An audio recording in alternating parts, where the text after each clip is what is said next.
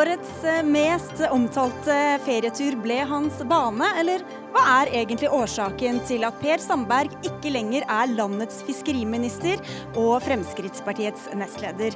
Vi har med oss både statsministeren og Frp-lederen her den neste timen i Dagsnytt 18, som sender fra Arendal i anledning Arendalsuka. Men hvorfor tar egentlig tusenvis av mennesker turen hit hver sensommer fra politikk, fra næringsliv og organisasjonsliv?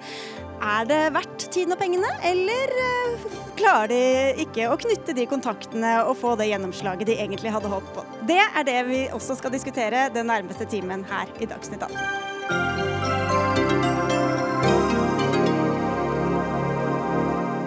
Jeg heter Fredrik Solund.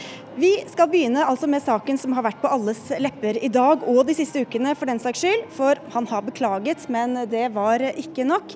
I dag gikk Per Sandberg av som fiskeriminister og nestleder i Frp. Bakgrunnen er brudd på departementets retningslinjer. Til tross for at Sandberg hadde fått utlevert en lånetelefon, brukte han den ikke da han som fiskeriminister besøkte Kina i juni. Han brukte sin egen telefon, og den samme telefonen tok han med seg på ferie til Iran i juli. Altså to brudd på rådene fra sikkerhetstjenestene og departementenes retningslinjer. Erna Solberg, statsminister, du sa på pressekonferansen i dag at en helhetlig vurdering ligger bak at Per Sandberg går av. Hva er elementene i den helhetsvurderingen? Det er jo en vurdering av både de sikkerhets bruddene han har gjort i forhold til regelverket vårt rundt sikkerhet. Det er hans egen situasjon og det er hans eget ønske.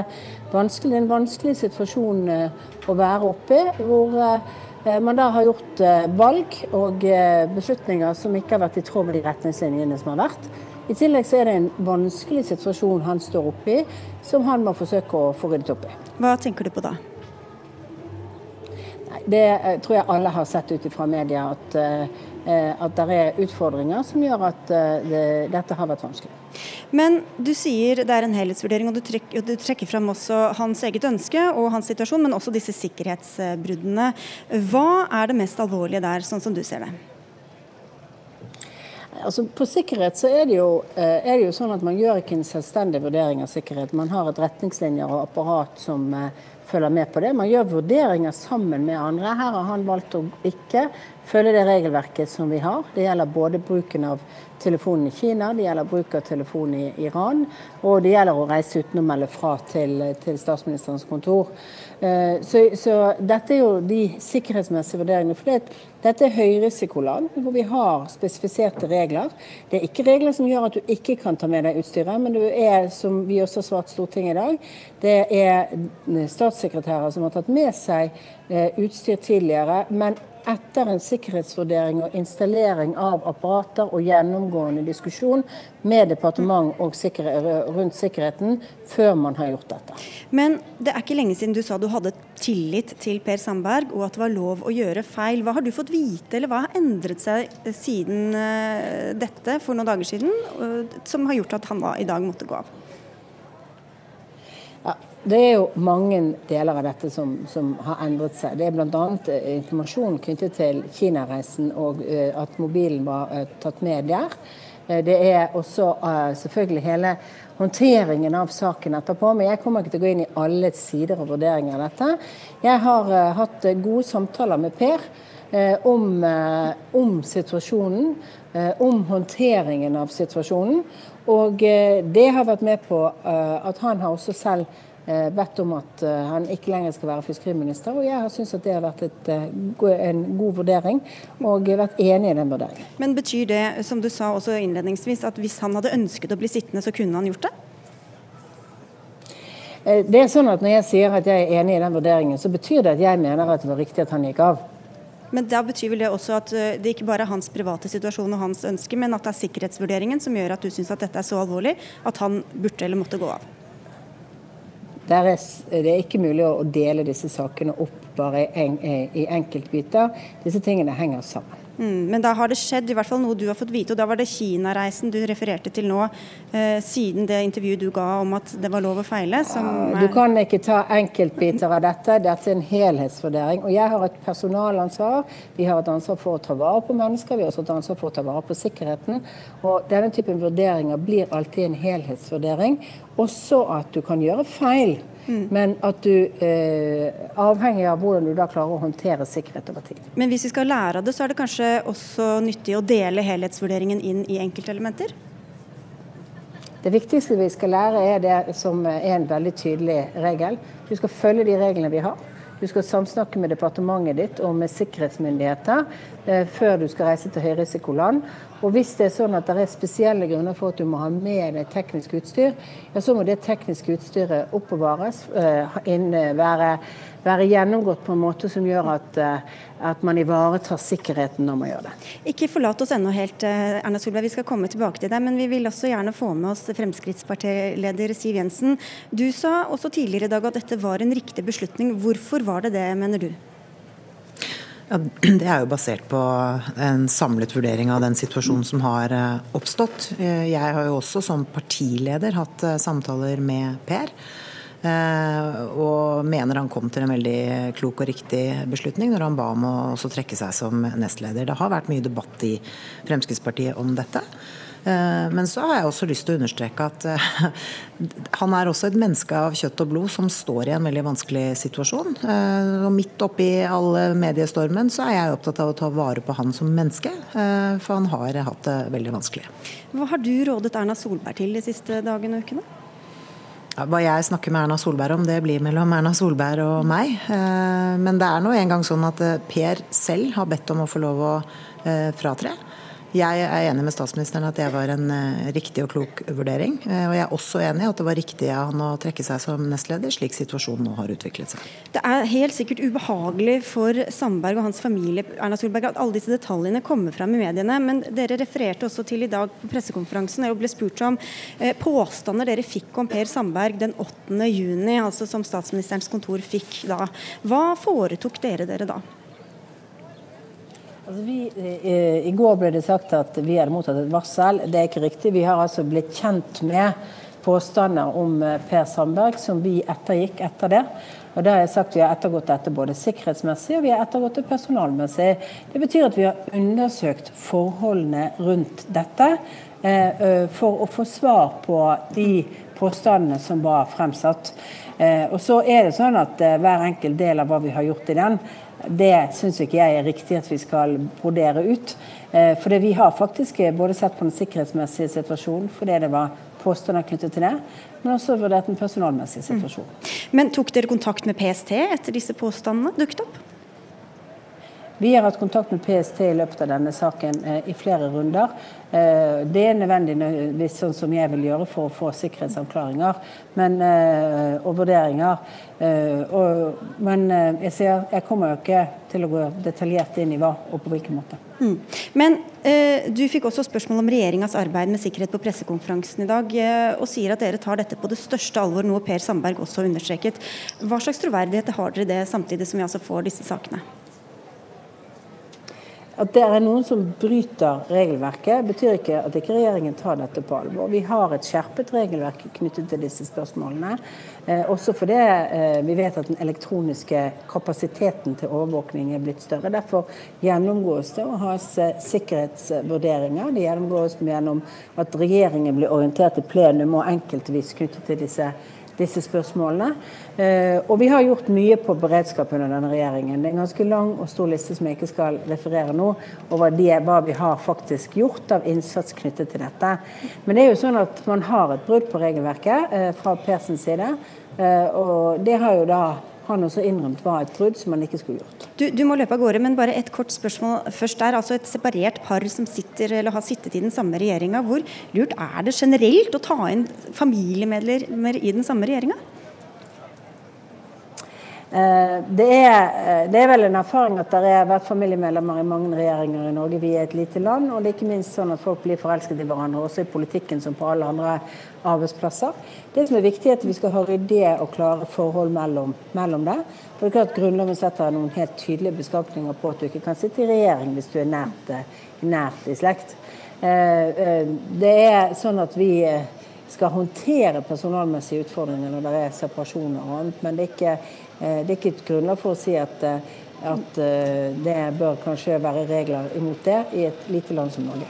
Takk skal du ha, Erna Solberg.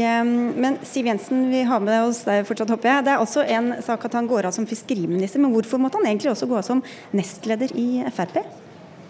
Ja, igjen, Dette var jo en uh, vurdering Per Sandberg selv gjorde og ba om å, eller ytret ønske om at han ville trekke seg som nestleder. Eh, jeg har jo sagt i dag at jeg mener det var en klok og riktig vurdering, sånn som denne saken har utviklet seg. Eh, han sier jo selv at han eh, har vært et langt liv i politikken og trenger nå kanskje litt mer tid til å drive med andre ting. Jeg respekterer den beslutningen, og samtidig så er det jo viktig for meg og, og, anerkjenne den innsatsen Per har lagt ned gjennom mange år for Fremskrittspartiet. Han ble nestleder eh, når jeg ble leder i partiet i 2006. Vi har jobbet svært tett sammen. Han har vært en viktig eh, politiker for partiet og gjort veldig mye bra. Eh, sånn sett så er det jo litt leit i dag også, selvfølgelig. Jeg tror det er mange som kjenner litt på den eh, dobbeltheten i dette. Og Du sa det har vært eh, interne diskusjoner i Frp også. Hva har de gått ut på? Ja, De har jo ikke bare vært interne, de har, jo, har vi jo også kunnet se i avisene. Så det er jo ingen hemmelighet. Eh, men jeg har jo ikke lagt skjul på at jeg skjønner det. Eh, det har jo bl.a. å gjøre med at det har vært skapt en usikkerhet rundt eh, Fremskrittspartiets syn på Iran. Men det har altså ikke endret seg. Vår, vårt syn, vår politikk på det området, den ligger bom fast. Dette er et regime vi har sterke og kritiske meninger om. Det er et regime som eh, ikke følger menneskerettighetene, som eh, bruker sharialov, som har dødsstraff og mange andre ting som Fremskrittspartiet er kritisk til. Det er vi fortsatt, og det kommer vi til å fortsette å være. Men eh, Ser du at dere kan bli anklaget for at det er forskjell mellom liv og lære i denne saken? Nei. Eh, lovbruddene som er begått, har jo Per erkjent at han ikke burde ha gjort. Eh, det betyr jo ikke at alle andre gjør det. Vi følger altså det regelverket vi er satt til å gjøre. Mm. Han har tatt konsekvensen av dette i dag ved å trekke seg, og jeg mener det var klokt av han å gjøre. Og så spekuleres det da i hvem som skal overta som nestleder. Kommer dere til å utnevne en ny nestleder, eller hva blir veien der? Ja, nå er Det sånn at det å velge ledelse i Fremskrittspartiet, det er det bare landsmøtet som gjør. Eh, det er det øverste organet i partiet, men landsmøtet samles ikke før eh, i mai neste år. Det jeg har sagt i dag, er at jeg mener det er naturlig å invitere sentralstyret til en diskusjon om eh, å konstituere en ny nestleder i påvente av dette. Men det vil jo ikke være en, altså, en valgt nestleder, for det er det bare landsmøtet som gjør. Og der står landsmøtet helt fritt. Og det er altså en valgkomité bestående av de største fylkene våre som eh, fritt eh, kommer med sine vurderinger, og så er det landsmøtets delegater som avgjør det. Det spekuleres i om Sylvi Listhaug blir fungerende nestleder fram til landsmøtet, stemmer det? Hmm. Ja, jeg har lest de spekulasjonene. Jeg har fått spørsmål om hva jeg syns om henne. Og jeg har jo sagt som jeg mener, at Sylvi er en kjempeflink politiker som som har eh, stor uh, tillit i Fremskrittspartiet. Men uh, det er nå ikke sånn i Fremskrittspartiet at det er jeg som utnevner noen. Dette gjøres av våre organer. Vi er heldige fordi vi har mange flinke, flotte politikere som står rede til å fylle tomrommet etter Per. Men det er altså først og fremst på landsmøtet neste år at disse valgene formelt gjøres. Men vet du om hun kommer til å bli, eller har du inntrykk av om hun kommer til å bli fungerende nestleder? Det vet ikke jeg. Og igjen, det er ikke jeg som bestemmer dette. Men jeg har sagt i dag at jeg mener det er naturlig at sentralstyret, som er det utøvende organet mellom landsmøter, tar en diskusjon om det, og at vi også går en runde via vårt landsstyre, som er det nest høyeste organet i partiet. Og når skal dette opp i sentralstyret? Vi har vårt første møte i begynnelsen av september, og jeg tenker det er naturlig at vi drøfter det der. Og så har vi, vårt, eh, vårt, har vi landsstyremøte i oktober. Du, En siste ting Siv Jensen, som mange er nysgjerrig på. I morgen skal Per Sandberg og Letnes holde en felles pressekonferanse. Har du noen peiling på hva som kommer fram der? Nei, det har jeg ikke. Vi får vente i spenning. Takk skal du ha, Siv Jensen, for at uh, du var med oss. Det er altså sånn at Samtidig som Per Sandberg gikk av, fikk opposisjonen flere svar på de skriftlige spørsmålene de stilte statsministeren rundt denne omtalte Iran-turen til Per Sandberg. Stortingsrepresentant for Arbeiderpartiet Terje Aasland, eh, du har fått svar på to spørsmål i dag. Er du fornøyd med svarene? Nei, Jeg tror det er behov for å stille ytterligere spørsmål. Fordi Stortinget må være 100% trygg på at regjeringen følger opp de sikkerhetsråd som blir gitt til regjeringen og statsrådene. Og Vi har nå i dag fått bekrefta at statsråd Per Sandberg ved flere anledninger har brutt de sikkerhetsrådene som er gitt. Vi har også fått eh, opplyst og dokumentert at det er flere andre statsråder som kan ha gjort det samme ved å ha med mobiltelefon, nettbrett til høyrisikoland. Og dette tyder jo på at regjeringen kan ha svikt i sine rutiner når det gjelder sikkerhet. Hvorfor det egentlig? Det er en statsråd som har øh, ikke Han innrømmer det, han har ikke tatt sikkerheten på god nok alvor. Han går av. Hvorfor er det grunn til å tro at det reflekterer regjeringas arbeid med sikkerhet? Nei, Det henger jo sammen med det forløpet som har vært nå i en ukes tid, hvor saken har, med Per Sandberg som statsråd har utvikla seg dag for dag. Men også hvor vi nå får bekrefta opplysninger om at andre statsråder har hatt med seg eh, mobiltelefon til høyrisikoland som Iran, Kina, Russland. Eh, og Vi må vite litt om, om, mer om dette. og Det er naturlig nå etter hvert at dette blir en kontrollsak i Stortinget, sånn at Stortinget blir forsikra om at regjeringen har tilstrekkelig fokus på dette med trygghet. For det er vi avhengig av, ikke minst på viktige utenriks, ut, poster som, som, handler om utenrikspolitikk. F.eks. i en fiskeriministerpost så handler det om altså vesentlig interesse for Norge når det gjelder fiskeriinteressene våre, f.eks. opp mot f.eks. Kina. Stortingsrepresentant for eh, Miljøpartiet De Grønne Une Bastholm, eh, du sa her i Dagsnytt 18 før helga at eh, Per Sandberg burde trekke seg. Nå har han gjort det, men saken er ikke over for din del heller likevel? Nei, jeg mener jo at det var ryddig av Sandberg å gjøre det han har gjort nå. Ta hatten sin pent og forlate åstedet, for å si det sånn. Eh, men det her har jo blitt en veldig alvorlig sak for hele regjeringa. Eh, det er en del som tyder nå på at eh, statsminister Solberg har visst om, eller fått vite, fått vite om forholdet mellom Letnes og Sandberg allerede før sommeren. Eh, og det jeg fortsatt f.eks. For lurer på, er om hun også visste om det uvanlige forholdet han har pleid til det iranske regimet over tid, ved å møte opp på ambassaden og til og med feire jubileet til det islamske eh, regimet, som veldig få norske iranere i Norge ville ha gjort. Og det er jo eh, En ting jeg er enig med Erna Solberg i, og det er at det er jo pakken her som egentlig er viktig. Og pakken ser ganske stygg ut. Vi må i hvert fall være forsikra om at det ikke er en ukultur i regjeringa Eh, som gjør at man ikke avdekker den typen eh, valg hvor man setter seg sjøl foran rikets sikkerhet. Kjell Ingolf Ropstad fra Fremskrittspartiet. Kristelig eh, Folkeparti. Nei. ja ja. Kristelig Folkeparti, Frp, same same. Nei da, du skal få riktig parti. Kristelig Folkeparti. Um, er du enig? Eh, er, det, er, saken fortsatt like alvorlig, selv etter dagens svar? Altså det som er viktig å understreke, er at Dette har jo aldri dreid seg om Per Sandberg som person. Dette er jo sikkerhet. Det er snakk om hvordan eh, statsråd opererer når de er i utlandet, hvordan hemmeligheter kan bli spredd, hvordan fremmede makter kan få innsyn i viktige dokumenter osv. Derfor så er det som det blir sagt der, at eh, det som vi har vært opptatt av, er jo å avklare om dette er en systemsvikt i regjeringa, altså at rutinene reglene ikke er gode nok, eller om dette bare har vært én person som har slurva. Og Derfor så har vi vært opptatt av både se hva PST har gjort, gitt av vurderinger, hvordan de vurderer situasjonen, og ikke minst hvordan det er blant andre statsråder. Men har dere fått en oversikt over hvordan dette har vært blant andre statsråder? Mener dere at de andre sakene som er nevnt er spesielt alvorlige? Ja, for KrF sin del så har jo vi fått eh, en del av svarene i dag, men vi forventer jo at det kommer flere òg. Og, og, vi ønsker jo mer avklaring akkurat når det gjelder ikke minst PST sine vurderinger av situasjonen og hvilke råd og anbefalinger de har gitt. Men det er heller ikke sånn at eh, vi varsler at nå blir det en kontrollsak, eller at dette kommer til å få alvorlige konsekvenser. Eh, vi er opptatt av å finne gode svar, og så må vi vurdere svarene når de kommer. Vi har hatt nå en uke bak oss hvor ny informasjon har kommet fram hver dag. Vi har ikke fått det komplette bildet umiddelbart. Det hadde jeg forventa faktisk skjedde, så lenge så alvorlige sikkerhetsrutiner blir brutt. Og Når ikke vi har fått det, så tror jeg det er viktig at vi er helt trygge på at vi får all informasjon på bordet. Og Det er jo allerede i dag eh, naturlig å stille oppfølgingsspørsmål til statsministeren. Hun sier at hun ble varsla 8.6 eh, om forholdet. Eh, hva, hvilket varsel? Hva ble sagt? Hva ble gjort? Alt sånne ting, hvordan regjeringen reagerer, hvordan statsministerens kontor håndterer den type informasjon, er det helt viktig at Stortinget får, får god innsikt i og kontroll på. Ja, nå, Hun kunne ikke være her lenger, statsministeren, så hun får ikke imøtegått dette. Men det virket jo som om dette i hvert fall var tatt videre, og ikke bare lagt i en skuff selv etter en informasjon, eller påstandene da, som kom 8.6. Og Da er det viktig at Stortinget blir eh, forsikra om og får det dokumentert at det faktisk er tatt på høyeste alvor det som har skjedd, og det varselet som ble gitt 8.6. Og at vi får trygghet for at regjeringen har gode rutiner, gode nok rutiner eh, når det gjelder sikkerhet. Noe som jeg mener, ut ifra de svarene som er gitt Stortinget i dag, det er vanskelig å si at regjeringen har. Men eh, Bastholm, disse andre sakene som ble nevnt, det var noen statsråder og noen statssekretærer som hadde gjort ting som kanskje var noe ureglementert, men det virket jo som om i alle tilfellene hadde de i hvert fall bedt om vurderinger eller hatt et bevisst forhold til dette. Hvor alvorlig var egentlig de andre sakene som ble trukket fram? Nei, det, det, er jo litt varierende. og Det er fortsatt noen av spørsmålene som ikke er besvart av statsministeren. og Det kommer til å komme flere spørsmål.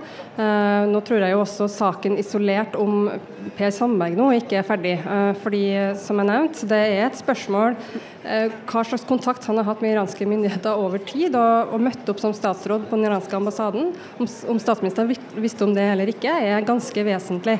Er det, er det, så vesentlig om han har vært med på en sånn feiring eller ikke? Om, ja, det, er veldig, det? det er en veldig uvanlig kontakt med den iranske ambassaden over tid. Uh, to forskjellige anledninger? Samtidig som, sant, I dette bildet hvor han også har fått en norsk-iransk kjæreste, som i utgangspunktet er veldig viktig å si, er jo en privatsak. Men det er sånn uh, altså, i Norge at når du, har, når du som statsråd har private forhold som kan påvirke, enten om det er regjeringa sitt arbeid eller deg som statsråd eh, sitt arbeid, så, så, bør du jo ha en åpenhet om det. Men hvordan, hvordan er det å få en norsk-iransk kjæreste og være ved to besøk på en ambassade og pleie eh, forholdet til et regime over tid?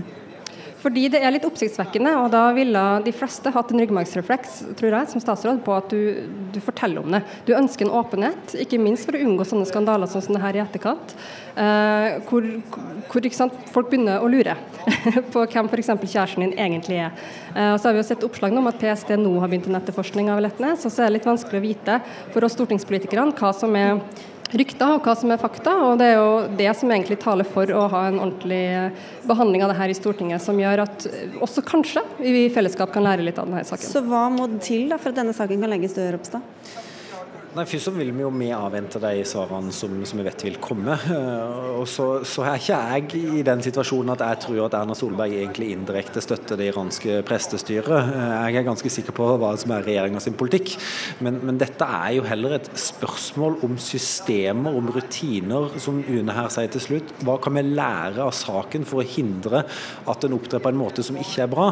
Eh, så jeg tror at når, eller håper jo at når svarene kommer, så vil, gi, vil det gi ro, sånn at en er sikker på at dette her eh, følger de andre statsrådene de rådene de får. PST er godt på banen, en, en opptrer på en ryddig måte. Men hvis ikke, så må jo vi grave videre for å finne de svarene som gjør at en til slutt blir fornøyd med, med, med at regjeringa opptrer på en ryddig måte. Og Statsministeren har jo også da varsla at eh, hvert departement må gå gjennom sine rutiner, gjøre endringer, justeringer, sørge for at det blir tilstrekkelig trygghet. Og Det er viktig at Stortinget som kontrollorgan faktisk eh, forsikrer seg om at den sikkerheten vi forventer at regjeringen utøver, at de faktisk har. Og Hvis noen gikk gjennom alle dere og deres partifellers mobilbruk de siste årene, hva tror du det ville funnet? Ja, for det første så er jo sånn at Stortingsrepresentanter er jo litt annen situasjon enn statsråder. Men, men jeg satt som nestleder i justiskomiteen i forrige periode, og vi fikk jo klare råd om hvordan vi bør opptre. Og veldig ofte når komiteer f.eks. reiser på, på turer, så får en grundige råd om hvordan en bør opptre. Men jeg vil legge et veldig tydelig ansvar på at statsråder har en helt annen situasjon. Dere, ja, dere har jo hatt statsråder fra KrF og fra Arbeiderpartiet tidligere også. Ja, men Jeg er ikke sikker på om det var like stor alvor på den tida, men, men allikevel så er det klart at dette handler om, ikke om Per Sandberg. det handler ikke om den bestemte regjeringa, men det handler om rutiner og systemet som er ekstremt viktig at er på plass.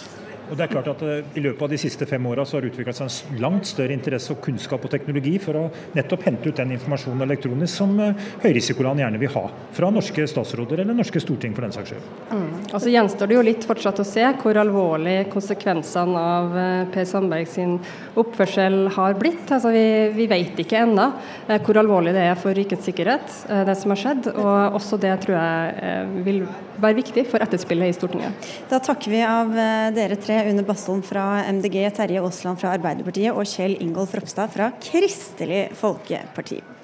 Og etter det statsrådet i dag, hvor en eh, kom og en eh, gikk inn i regjering, så kunne vi se Per Sandberg og Siv Jensen gi hverandre vennskapelige klaps på skuldrene idet de gikk ut bakveien på Slottsplassen. På pressekonferansen seinere omtalte Sandberg Erna Solberg som det mest fantastiske mennesket han hadde møtt.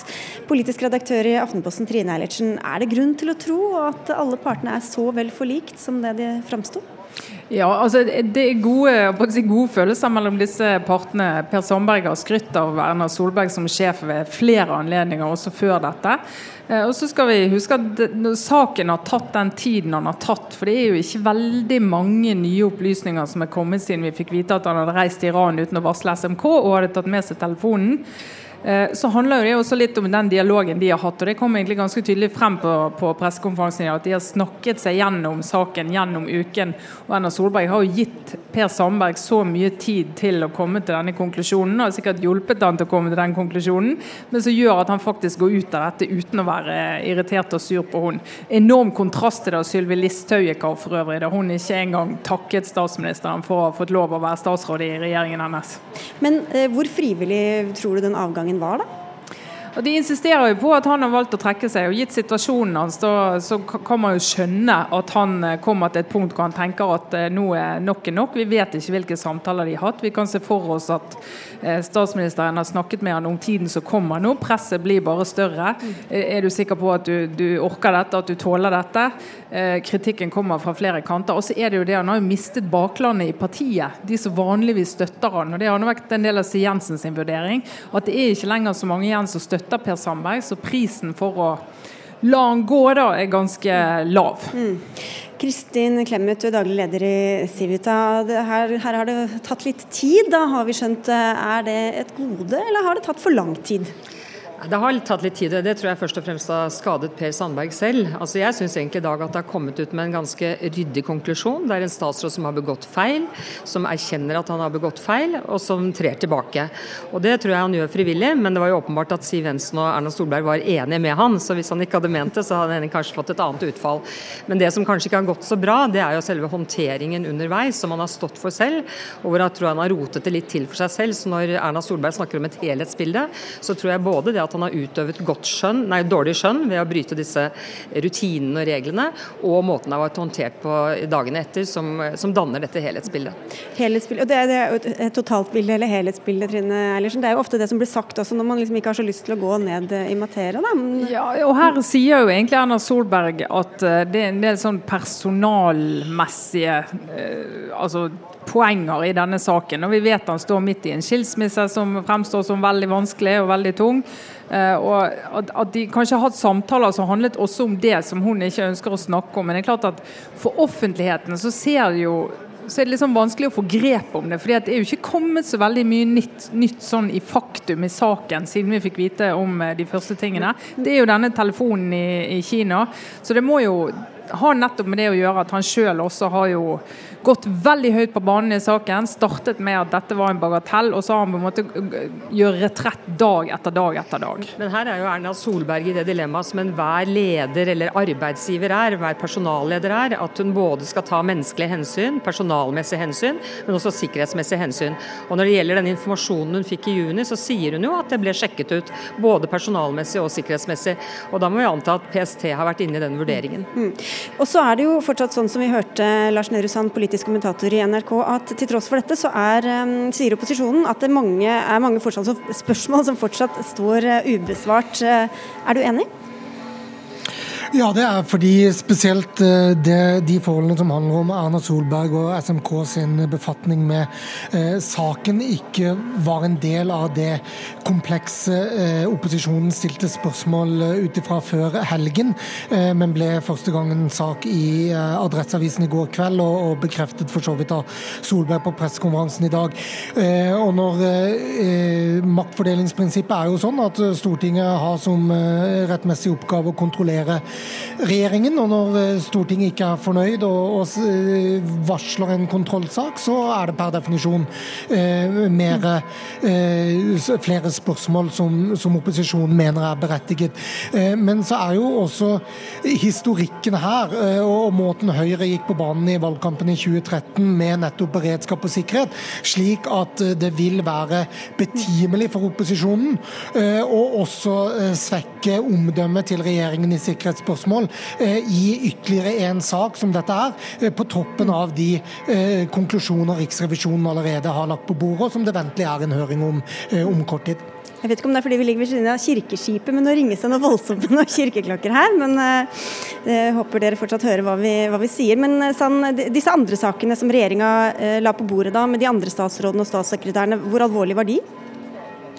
Jeg vurderer at de er isolert sett eh, vesentlig mindre alvorlige enn det eh, eksempelet Sandberg eh, er. Men at når dette kommer på toppen og blir kjent etterpå, og ikke på en måte har vært en del av historien hele tiden, så blir det en ytterligere tilspissing av, av, situasjonen.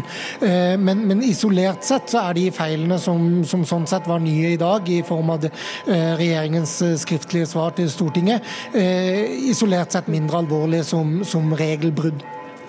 Jeg syns ikke det er noe rart at uh, opposisjonen vil stille flere spørsmål, men jeg leste gjennom disse svarene i dag, og jeg syns det som kom frem der er, eh, må karakteriseres som bagatellmessig. Det er ikke forbudt å ta med seg mobiltelefon, men da må du gjøre noe med mobiltelefonen din sånn at den er sikker. Og så var det et tilfelle av en statssekretær som har vært på ferie i Hongkong, og Ketil Solvik-Olsen som hadde hatt telefonen sin på flight-modus et, et, par timer i Russland. Så jeg syns de tilfellene så ganske bagatellmessig ut. Du har jo, som mange sikkert tenker på nå også, sittet i regjering sjøl for, for Høyre for en stund tilbake. Men i dag ble det nevnt også fra Siv Jensen at er, det er Erna Solberg som bestemmer hvem som sitter i regjering. Hvor eh, klar er den sannheten, for å si det sånn? Eh, det kan nok kanskje variere litt fra regjering til regjering, men det er klart at eh, Erna Solberg kan ikke bestemme at det skal sitte noen fra Fremskrittspartiet i regjering som Siv Jensen ikke vil ha. Men det kan nok tenkes motsatt, at eh, Siv Jensen vil ønske seg en fra Fremskrittspartiet i regjering som Erna Solberg ikke vil ha. At statsministeren har et slags vetomulighet, og at det er mange hensyn de må ta. Men dette tror jeg de i stor grad bestemmer sammen, og til syvende og sist er det selvfølgelig statsministeren som bestemmer. Og I dag kom det altså en ny mann inn, en, en ny, men veldig kjent mann for alle i Fremskrittspartiet inn som fiskeriminister, Harald Tom Nesvik. Eh, Trine Eilertsen, og det er vel også et ganske trygt valg? Ja, det, det, er jo et trygt valg, og det er det flere grunner til. Det ene er jo at han faktisk har bevist at han evner å samarbeide med KrF og Venstre. Da han var parlamentarisk leder eh, i forrige periode, så var jo han vesentlig da de skulle inngå budsjettforlik med, med, regjeringen, med regjeringspartiene. Eh, og så kommer han fra en del av landet og har en faglig bakgrunn som gjør at han ganske greit kan gå inn i den rollen. Eh, kan si, styrken som noen vil si, er at han er, han er jo lite kontroversiell. han er ikke så spissformulert som Per Sandberg er, ikke så kjapp på ballen ute i enkelte debatter. Eh, mens det vil jo noen i partiet synes er, er, synd at de har eh, mistet en sånn profil i regjeringen som var så tydelig i FrPs kjernesaker som eh, Per Sandberg var. Til gjengjeld kan det hende at de får en nestleder som er litt på den andre sida, Lars Nehru Sand. Hva er det som skjer der med denne nestlederrokasjonen? Det oppsto et slags eh, maktvakuum i Frp når eh, Per Sandberg som mangeårig nestleder går av. Og, jeg tror for dem som har eh, vært skeptiske til Frp i regjering internt i partiet, så er Sylvi Listhaug, fra hennes posisjon på Stortinget, hvor hun er mer bundet av partiprogram enn en regjeringsplattform, så er det forlokkende å se for seg henne som nestleder også på fast basis. og hun kan Eh, fylle det eh, rommet som, som vil være etter, eh, etter, Per Sandberg på en, en god måte. Og Sandberg sin popularitet internt i partiet har vært fallende over tid, sier enkelte. Bl.a. som følge av at han har blitt mer og mer fiskeriminister og mindre og mindre Frp-nestleder, på sett og vis. Og, og, at når da denne saken hvor han da vikler seg inn i disse problemene, som, som er enda vanskeligere å svelge for, for mange i FrPs både medlemsrekker og, og velgerskare, så er det forståelig at han må gå av, og vil være en stor fordel om Sylvi Listhaug overtar plassen som først nestleder, bl.a. å få det viktige ansvaret med å skrive nytt partiprogram f.eks. inn mot neste periode. Nå sa Siv Jensen at det må jo gjennom både sentralstyremøte og landsstyremøte først, men er det gitt at hun, at hun kommer inn i den rollen? Jeg tror at Hvis hun selv ønsker det, så, så ligger veien vid åpen for det. Og så denne pressekonferansen i morgen med Per Sandberg og Letnes Trine Eilertsen. Er det noe som er, Hva kan vi vente oss der? Altså, for å si Det først, det er ingenting som ligner på dette. Det, det må vi kunne si. Uh, at vi har en, en pressekonferanse som er innkalt på dette grunnlaget. Så jeg tror jo alle er veldig spente på hva som kommer. Per Sandberg har lovet han skal svare på absolutt alle spørsmål og komme med noen velplasserte angrep mot pressen. Så her tror jeg det er bare å benke seg og, og, titte med stor interesse. Jeg tror det er synd på de som planlegger arrangementer i morgen i Arendal akkurat samtidig. For jeg tror kanskje dette blir denne ukas største arrangement. Og jeg vil ikke bli veldig forbauset hvis pressen får uh, sitt pass påskrevet. Er det grunn til det, da? Du som alltid er så kritisk til pressen? Ja, altså, jeg vet ikke hva jeg skal si, men det er klart det har vært en del spekulasjoner i uh, pressen eh, som går på privatlivet hans og på hans kjæreste, som nok kanskje kan kan sies å være litt over grensen, eh, fordi det ikke har vært eh, noe dokumentasjon der. Så det er vel kanskje noe av det vi får høre om i morgen, jeg vet ikke. Ja, nei, Spørsmålet blir stilt her, jeg synes det har vært helt naturlig. Denne saken er jo faktisk blitt drevet frem av, eh, av pressen. så det er jo, og Gjennom det så har vi jo fått, fått frem at det er flere altså Litt lemfeldig omgang med, omgang med sikkerhetsreglementet i regjeringen, og det er viktig. Da får vi bare smøre oss med tålmodighet fram til i morgen og si takk for at dere kom. Trine Eilertsen fra Aftenposten, Kristin Clemet fra Civita og vår egen Lars Nehru Sand.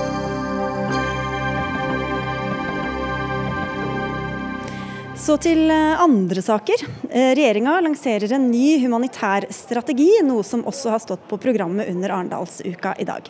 Bakgrunnen for den nye strategien er ifølge regjeringa at humanitære kriser varer stadig lenger og rammer stadig flere, selv om givere aldri har gitt mer og organisasjoner aldri har nådd flere mennesker. En del av denne nye strategien går ut på at humanitær akutthjelp skal knyttes tettere sammen med langsiktig utviklingsarbeid. Og utenriksminister Ine Eriksen Søreide i en kronikk kronikk i Aftenposten i helga skrev du sammen med Nikolai Astrup at samhandlingen mellom humanitær innsats og utviklingstiltak må være mest mulig sømløs. Hvorfor er det så viktig? Det er som du var litt inne på i innledninga di, at vi i dag opplever en gjennomsnittlig humanitær krise til å vare i ca. åtte år. Og Det betyr at mange av de samme menneskene får hjelp igjen og igjen og igjen. Og krisene, enten de skyldes eh, naturkatastrofer eller krig og konflikt, blir veldig langvarige og veldig komplekse. Og Da er det viktig å sørge for at de humanitære aktørene, som har et helt spesielt mandat, og som kan rykke inn i veldig akutte kriser, får lov til å gjøre den jobben. Samtidig som de da ikke blir stående i år etter år etter år i humanitære kriser, når det egentlig er eh, bl.a. bistandsaktørene som kan gå inn og overta f.eks. drift av skoler, sykehus eh, og andre ting som tilhører det mer langsiktige utviklingsarbeidet. Så Det er for å få en god arbeidsdeling, men samtidig er jo alle klar over at dette feltet er fullt av dilemmaer. Eh, og Vi må samtidig være veldig klar på at prinsippene ikke blandes. Men å få til en bedre samhandling, det opplever jeg også at da vi presenterte strategien i dag, var det veldig stor tilslutning til blant de humanitære aktørene og andre som var til stede. Vi skal få inn en litt kritisk røst, men bare først, hva vil det si i praksis at du, du kommer inn, her er det en humanitær akutt krise, og så ser vi at den går ikke over med det første. Da skal andre inn og overta? Ja, over tid så må det jo være sånn, fordi de humanitære aktørene skal jo ikke være såkalte systemdriftere, altså f.eks. av langvarig skole og helseinstitusjoner, det er det andre som skal være og som er bedre rusta til. og Det betyr også at de humanitære aktørene da kan snu seg til nye akutte kriser som kommer, fordi det kommer dessverre mange av dem hele veien. Og vi vet at i dag så er det 136 millioner mennesker i 36 land som antas å ha behov for humanitær assistanse. Det er veldig mye mennesker, og det er veldig mange flere mennesker enn det det var for eh, noen få år siden. Og det betyr at vi også må tenke nytt og annerledes. Så dette er jo ett element i strategien. Eh, det er flere også som jeg tenker vi kan snakke mer om etterpå. Vi får se. Karine Norsand, du er president i Leger uten grenser. og På Twitter i dag så skrev dere at det kan gå galt når disse to tingene blandes sammen. Hva er da fallgruvene?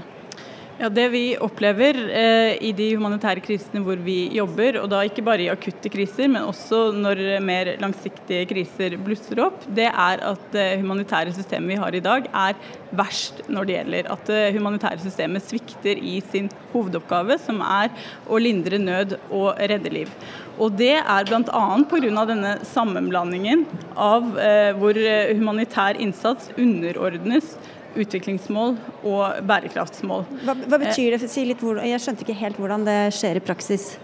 Nei, altså det er da eh, når, man, når det humanitære underlegges eh, underordnes utviklingsmål og bærekraftsmål, så går det da på bekostning av de humanitære prinsippene om uavhengighet og nøytralitet og upartiskhet. Det gjør at i krisene så vil ikke humanitære aktører lenger oppfattes som nøytrale, og da risikerer man å miste tilgang til de eh, populasjonene som trenger hjelpen aller mest. Så fordi at regjeringa har satt seg noen mål på langsiktig plan, så kan det gå utover f.eks. dere som, som, rykker inn på akutt eh, altså, eh, det det legges opp til, da, er at eh, bi, altså, humanitær hjelp og bistand skal integreres bedre. Og eh, at eh, humanitære aktører også skal sørge for mer bærekraftig innsats. Og da, altså, Du har jo også sagt tidligere for, for bistanden er mer politisk enn den akutte hjelpa? Altså Bistand er jo politisk, og det tror jeg Ine Eriksen også er enig i. Altså eh, I enkelte settinger, sånn som i Afghanistan, eh, utdanning der f.eks. er svært politisk. Likestilling er politisk. Hvis du ser på bærekraftsmålene, så er det politiske mål. Og det humanitære skal per definisjon være upolitisk. Mm. Eh, og når man da som humanitær aktør også skal bidra til utvikling, så vil man bli oppfattet ikke lenger som en nøytral aktør. Og det går på bekostning av tilgangen i felt. Og kanskje også sikkerheten, eh, Unn Eriksen Søreide? Ja, men jeg tror nok det er en liten misforståelse ute og går her. fordi at Den humanitære innsatsen skal på ingen måte underordnes bistanden. Snarere tvert imot. Vi er opptatt av å sørge for gode overganger når den humanitære hjelpa har gjort sitt og den langsiktige bistanden skal overta. I dag er det veldig separate systemer, og vårt poeng har vært at vi må jobbe bedre sammen, sånn at vi sikrer den overgangen godt. Og Det er jo heller ikke sånn eh, at man skal sammenblande. Altså Vi har i strategien tvert imot lagt vekt på at de humanitære prinsippene skal overholdes. Det handler om upartiskhet, nøytralitet.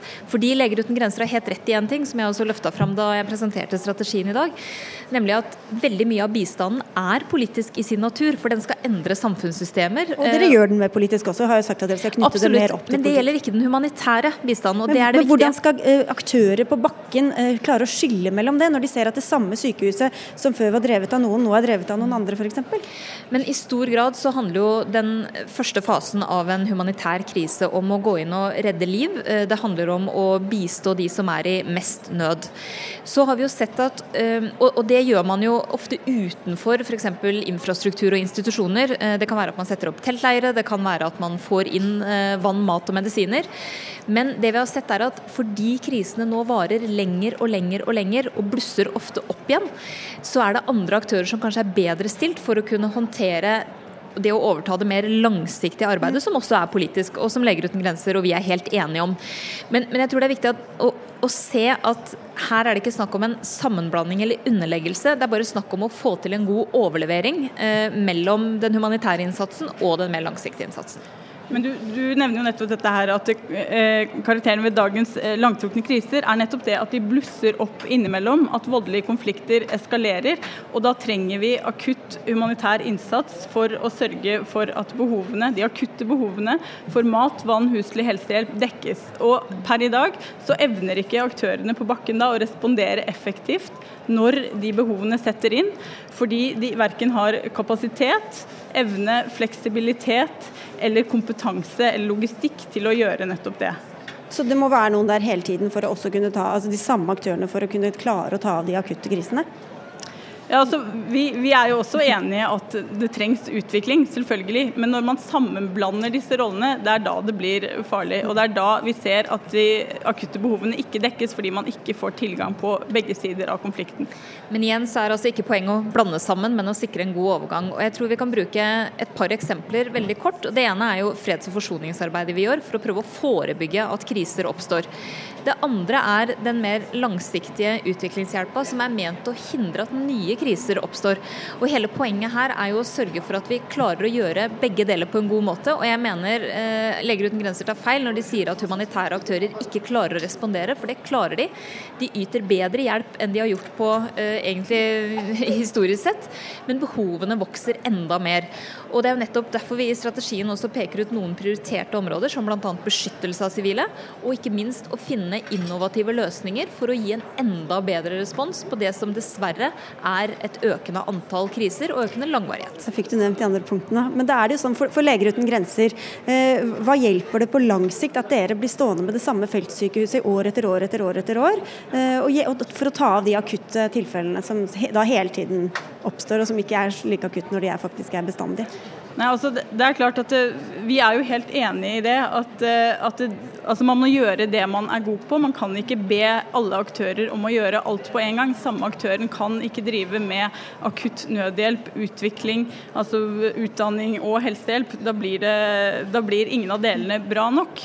Eh, og for å sikre at eh, humanitære aktører har evne til å respondere i når akutte kriser blusser opp, så må man sørge for at de har logistikk, kapasitet. Altså, vi setter pris på at i rapporten så har dere lagt vekk på bl.a. at det skal være mer fri finansiering, ikke så mye eh, krav til rapportering, mer fleksibilitet for humanitære aktører, og det er bra. Men det hjelper jo ikke hvis de ikke også har akutt, eh, altså ikke har tilgang i disse krisene. Og det risikerer de jo ikke ha hvis man ikke også respekterer Fordi dere, dere f.eks. er redde for å bli knytta opp mot, mot regjeringas bistandspolitikk og bli tatt til inntekt for den, er det sånn? Og dermed ikke får tilgang? Ja, altså det er jo det, Vi har jo beskrevet det i denne rapporten vår her, eh, med diverse case studies fra felten. Hvordan denne sammenblandingen av roller eh, fører til at, eh, at befolkninger i akutt konflikt blir stående uten de mest grunnleggende behovene dekket. Men en av hovedutfordringene i dag er at de humanitære aktørene gjør sin innsats og gjør den på en veldig god måte. Eh, men de gjør den altfor lenge.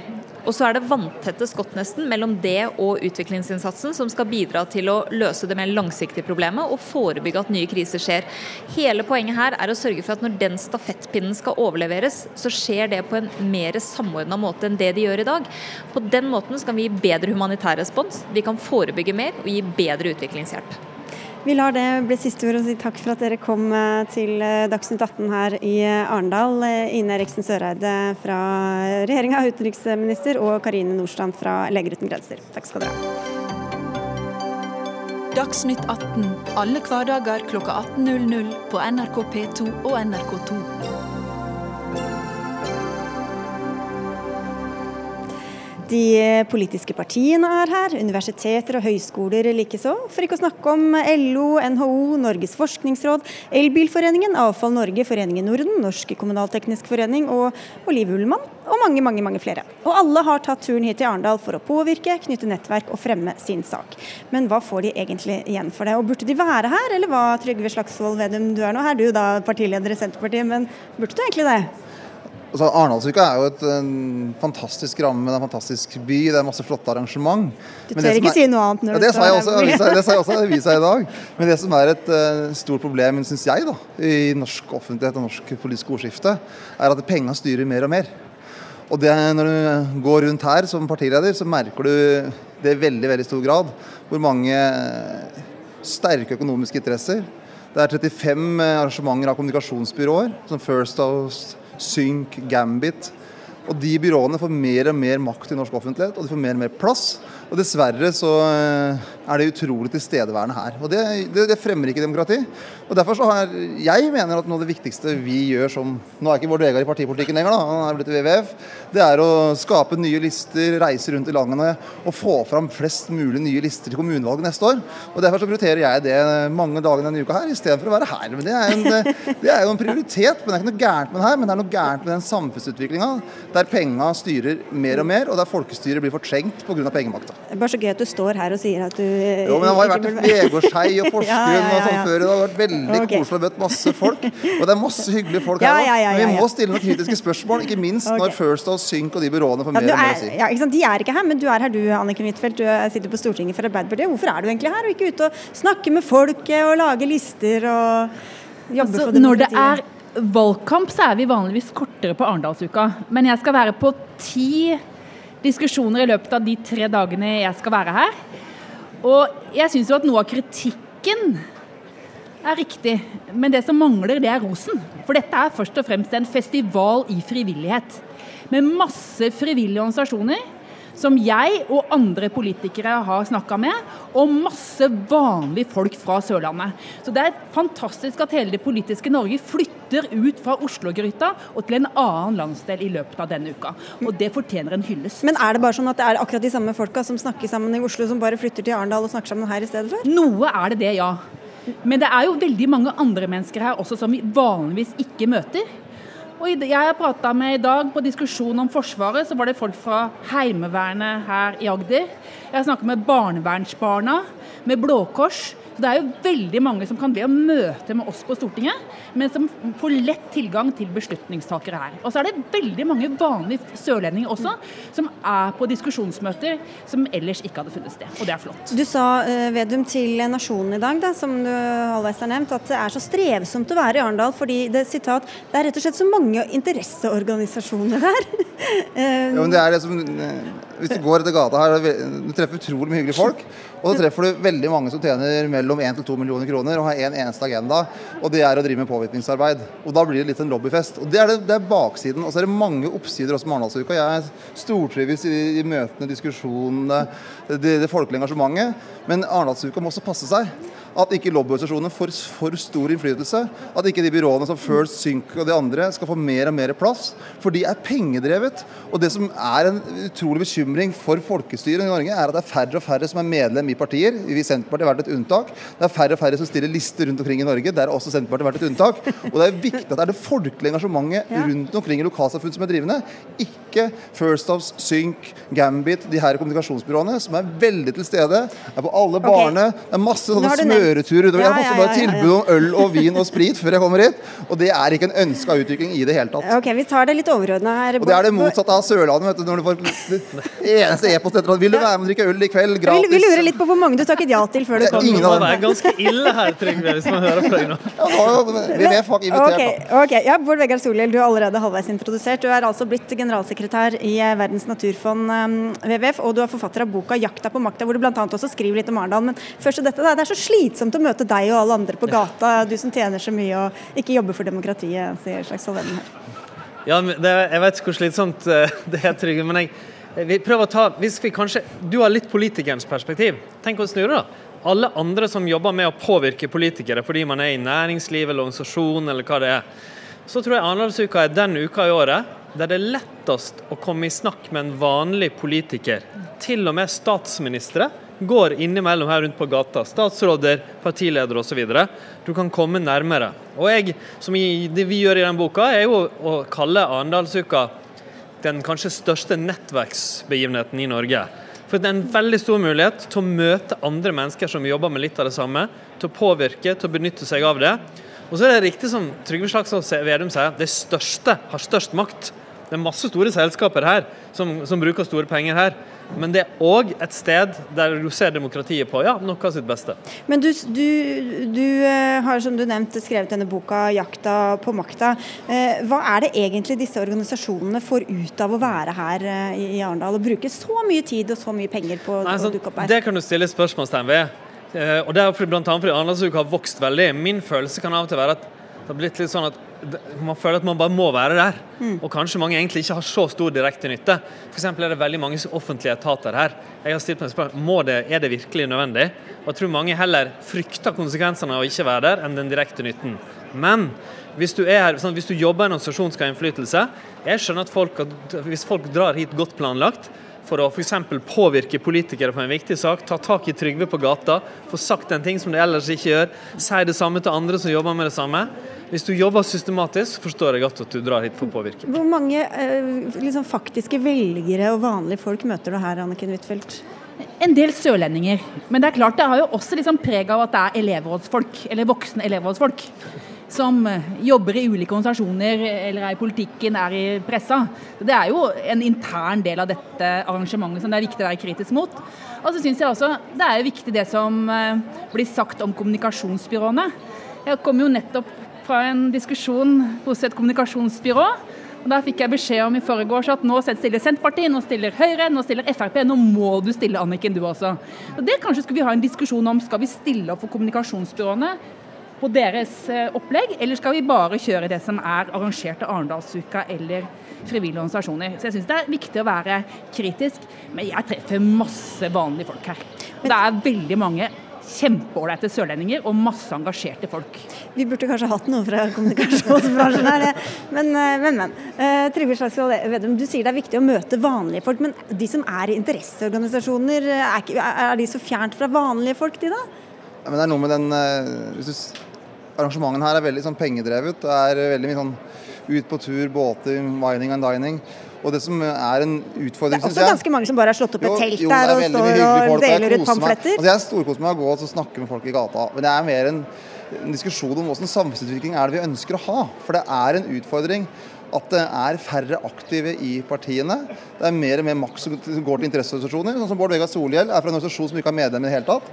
En rein pengedrevet organisasjon som har stor innflytelse, stor tilgang til politikere hver eneste dag. Og Den utviklinga ønsker jeg ikke at skal være drivende for norsk samfunnsdebatt, for det er folkestyret som er det gode. og Det er jo det som er grunnideen også i Arendalsuka. Derfor bør vi diskutere det hele tida. Og så er jeg helt enig med det Anniken Huitfeldt eh, sa i stad. F.eks. når kommunikasjonsbyråer inviterer til debatt, så bør en si nei. For de har ofte hemmelige kundelister, de har klare agendaer, og det er de som har mest penger som kan bruke de. Og det fremmer ikke folkestyret, det, det fremmer et elitestyre. Ikke mange som har hemmelige kundelister, men uh, ikke mange som har hemmelige kundelister, men det var da en, en Ja, men altså, First også har det, og, det er en, og de som bruker kommunikasjonsbyråer, er de som har mest makt fra før. Okay. Og vi som er folkevalgte, vi skal representere folkelige interesser, ulike verdier, og ha et kritisk blikk på det. Okay, jeg har bare lyst til å si en ting. Det er ikke sånn at politikere her går rundt og får vining and dining. Altså, Jeg har kjørt en sånn trekantsmørbrød på Kiwi og kasta i meg potetgull for å bli mett mellom tre diskusjoner i løpet av dagen. Og jeg bare si at Hvis det er et problem for deg at du blir tilbudt for mye øl fra næringslivet, så skal jeg Han, han menger seg med helt feil folk. Det er de rike i kommunikasjonsbransjen du driver og eh, prater med. Men, men, men, men, det her er jo en, det her er jo egentlig bare en debatt om, om den utviklinga vi ser, eh, også mot, mot, mot Stortinget der det er mer og mer kapitalstyrte interesser som får innflytelse, og okay. det må vi stille kritisk spørsmål til. Er penge, pengedrevet Nei, Bård Vegar Solhjell her. Det du sier er sant, men det er bare en bitte liten del av det Arendalsuka er. Ja, det er og det er sant alle steder i Norge at næringslivet, de største selskapene, har mer makt enn de små. Kommunikasjonsbyråer kan ha en del innflytelse. Men hovedbildet av Arendalsuka er jo et sted der du faktisk som vanlig person i en organisasjon, enten den har medlemmer eller ikke, eller jobber med det eller det temaet, kan nå inn til politikerne. Så jeg tror du bomma litt. Hvis jeg var helt vanlig velger på Sørlandet var interessert i politikk, ville påvirke deg, da ville jeg dratt hit som det første stedet eh, for å nå deg. Og hvis jeg jobber i en helt vanlig organisasjon, som jeg faktisk gjør, som driver med miljø og natur, så drar jeg hit fordi her vet jeg at jeg kan møte andre, få levert mitt budskap. Derfor er det folk kommer hit òg. Jeg er enig. Og nå kan vi gå ut her, masse folk som står og hører på denne diskusjonen, som ser på. Masse vanlige folk. Noen er aktivister, andre drar aldri på politiske diskusjonsmøter. Og det er det som er bra med Arendal. Men, men Anniken Huitfeldt, hvor mange er det som har klart å påvirke deg da, når de går rundt her, enten de er fra en organisasjon eller fra en bedrift eller et eller annet?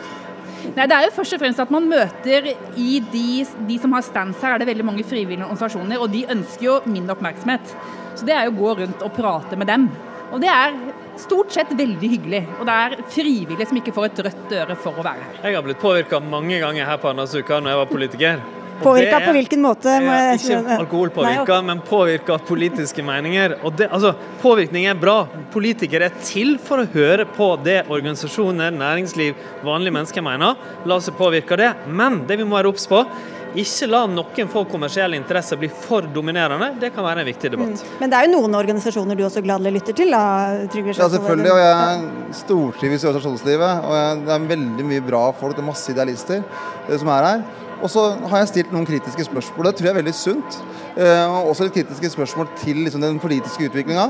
Der du blir mer og mer opptatt av retorikk, mindre innhold. Der du blir mer og mer spill og mindre substans. Og da må vi ha litt debatter om oss sjøl, tørre å se oss litt sjøl fra utsida. Og Arendalsuka har mange positive sider, og det sa jeg også i den artikkelen. Jeg stortrives her i byen. Men så har det også noen negative sider, og det er den sida at norsk politikk blir mer og mer pengedrevet, og det er ikke av det gode. Det er negativt. og Der bør også NRK bare veldig bevisst på hvilke gjester dere har i studio, hvilke aktører dere trekker inn, hvem som har medlemslister, hvem som bare representerer en pengeinteresse. Jeg er enig i at kritikken av Arendalsuka gjør uka enda bedre. Dere, da stikker vi og tar den eh, ølen. Ja, da er vi enige til slutt. da. Nei da, vi eh, skal holde oss helt edru hele kvelden. Takk skal dere ha alle tre. Bård Vegar Solhjell fra WWF, Anniken Huitfeldt fra Arbeiderpartiet og Trygve Slagsvold Vedum i eh, Senterpartiet. Dagsnytt 18 er over for i dag. Vi er tilbake her i morgen. Dag Dørum var ansvarlig for sendinga. Frode Thorshaug hadde det tekniske ansvaret. Og jeg heter Sigrid Solund og ses igjen i morgen.